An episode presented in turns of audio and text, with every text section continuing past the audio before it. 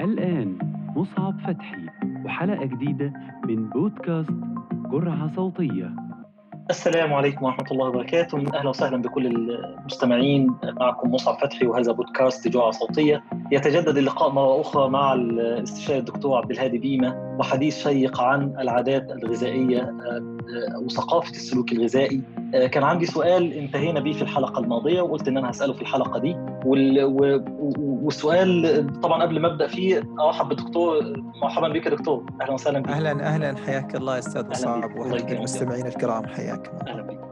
حطيت عنوان الحلقة دي بالتنسيق مع حضرتك طبعا عن أهمية وجبة الفطور ما بين مؤيد ومعارض أكلمك عن تجربتي أنا الشخصية باختصار يا دكتور وأنا أعتقد كنت أنا طلعت في ثقافة بتؤيد هذا الموضوع أو أنا من المدرسة دي اللي هي مدرسة تقديس وجبة الفطور. يعني البعض بل يعني ربما يكونوا كثرة وليس قلة يعني دايما حديثهم عن وجبة الفطور إنها شيء ولا أروع ما يكون وهو الركيزة الأساسية لليوم بتاعنا كله. بينما في مدرسة تانية ربما تقلل من هذا الأمر ولذلك إحنا حبينا نسأل حد متخصص أنا أنا دايما بستمتع بلقاءاتي مع حضرتك علشان برضه تخصص حضرتك في في هذا المجال فهناخد معلومة وثيقة ويعتمد عليها إن شاء الله. إيه رأيك في الموضوع ده يا دكتور؟ يعني وجبة الفطور ما تعليقك عليها؟ هل هي مهمة جدا ولا ممكن نستغنى عنها ولا مش محتاجة كل الكلام ده ولا إيه بالضبط؟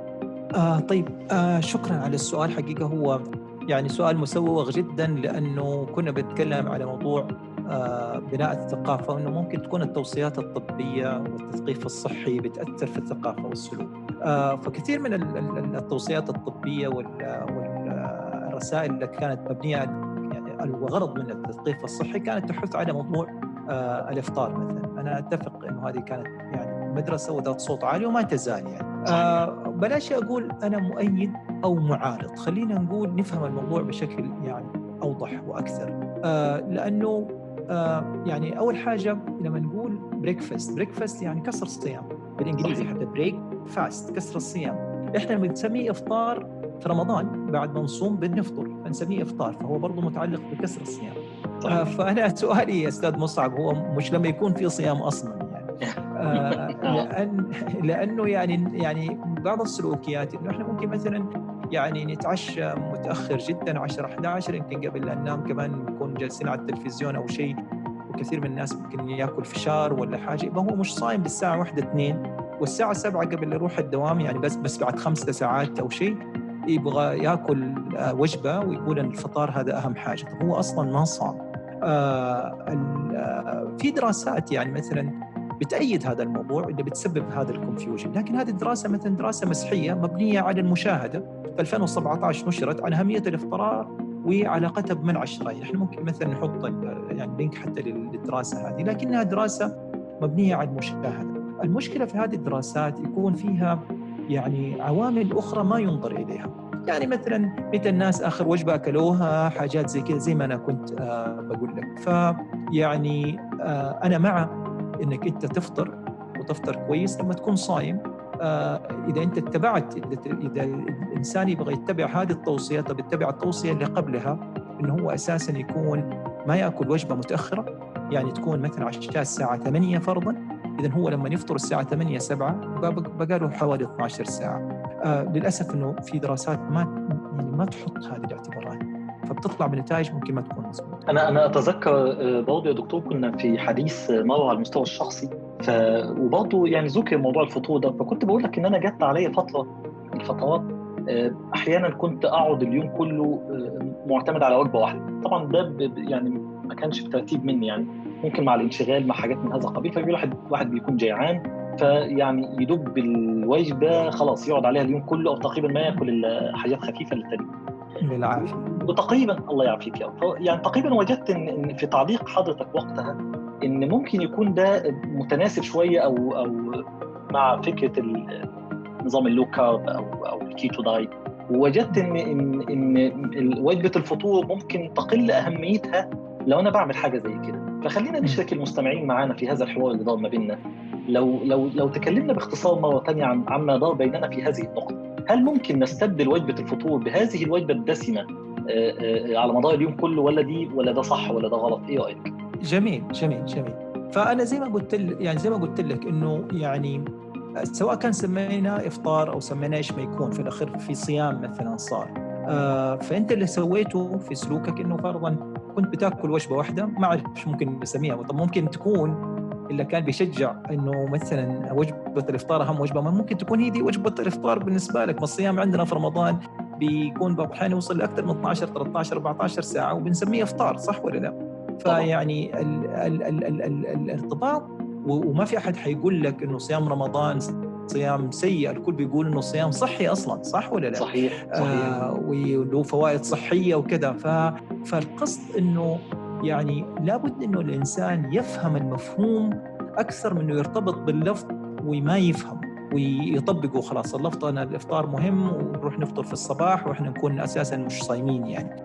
آه ف اللي كنت بقول لك إنه يعني مثلا الدراسات اللي بتدعم موضوع الصيام المتقطع آه، هي دراسات أقوى من الدراسات المسيحية المبنية على المشاهدة، يعني مثلا في 2016 سنة قبل الثانية ذيك الدراسة اللي ذكرناها اللي هي نعم. مسيحية ومبنية فقط على المشاهدة أخذ آه، عالم ياباني اسمه الفاميلي اسمه أشومي آه، حصل على جائزة نوبل للطب في 2016 وهي أرقى جائزة علمية لأي مجال في العلوم لطب أخذها آه، هذا العالم. على دراسات قائمة على التجربة ليثبت آه، مدى أثر الصيام على حتى مستوى الخلية. فكان في مشاهدات على مستوى الخلية كيف الخلية بتاكل بعض الأجزاء الغير جيدة كعملية تجديد وهذا الشيء يسموه كده ال autophagy ممكن نتكلم يوم كده عن intermittent fasting هو إيش آه. إيش الفرق بين الدو... يعني أنا أنا لاحظت إن حاجة ذكرت الدراسة بتاعت 2017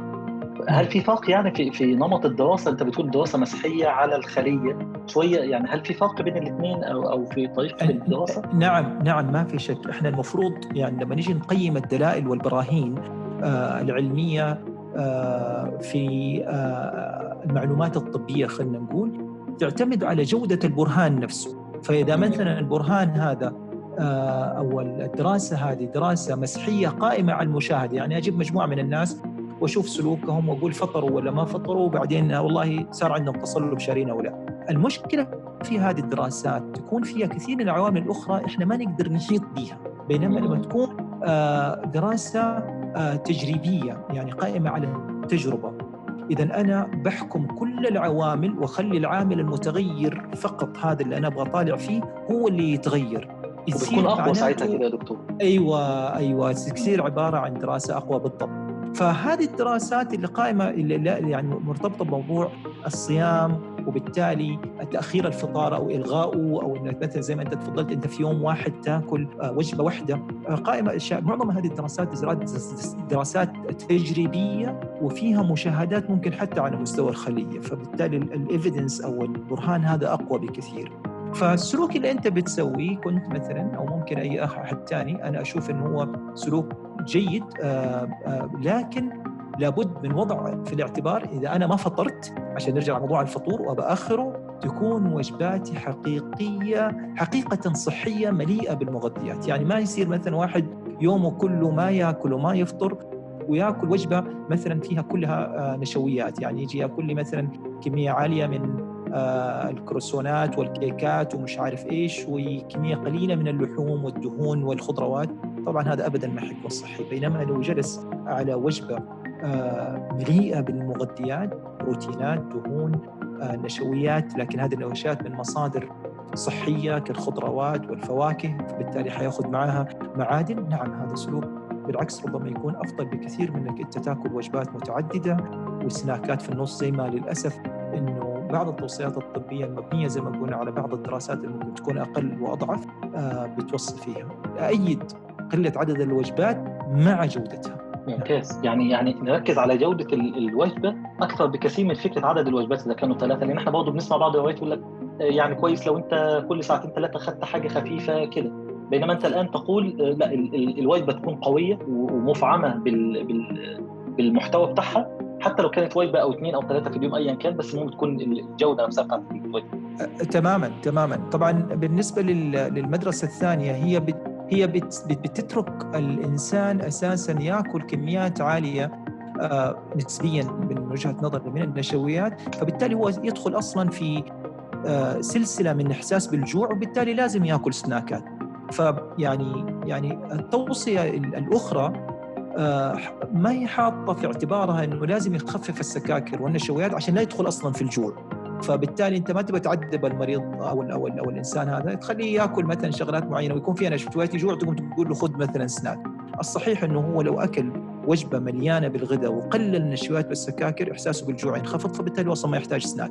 آه، طبعا لا زال عندي أسئلة ثانية يا دكتور في في, في المسار أو في في المظلة بتاعت ثقافة السلوك الغذائي.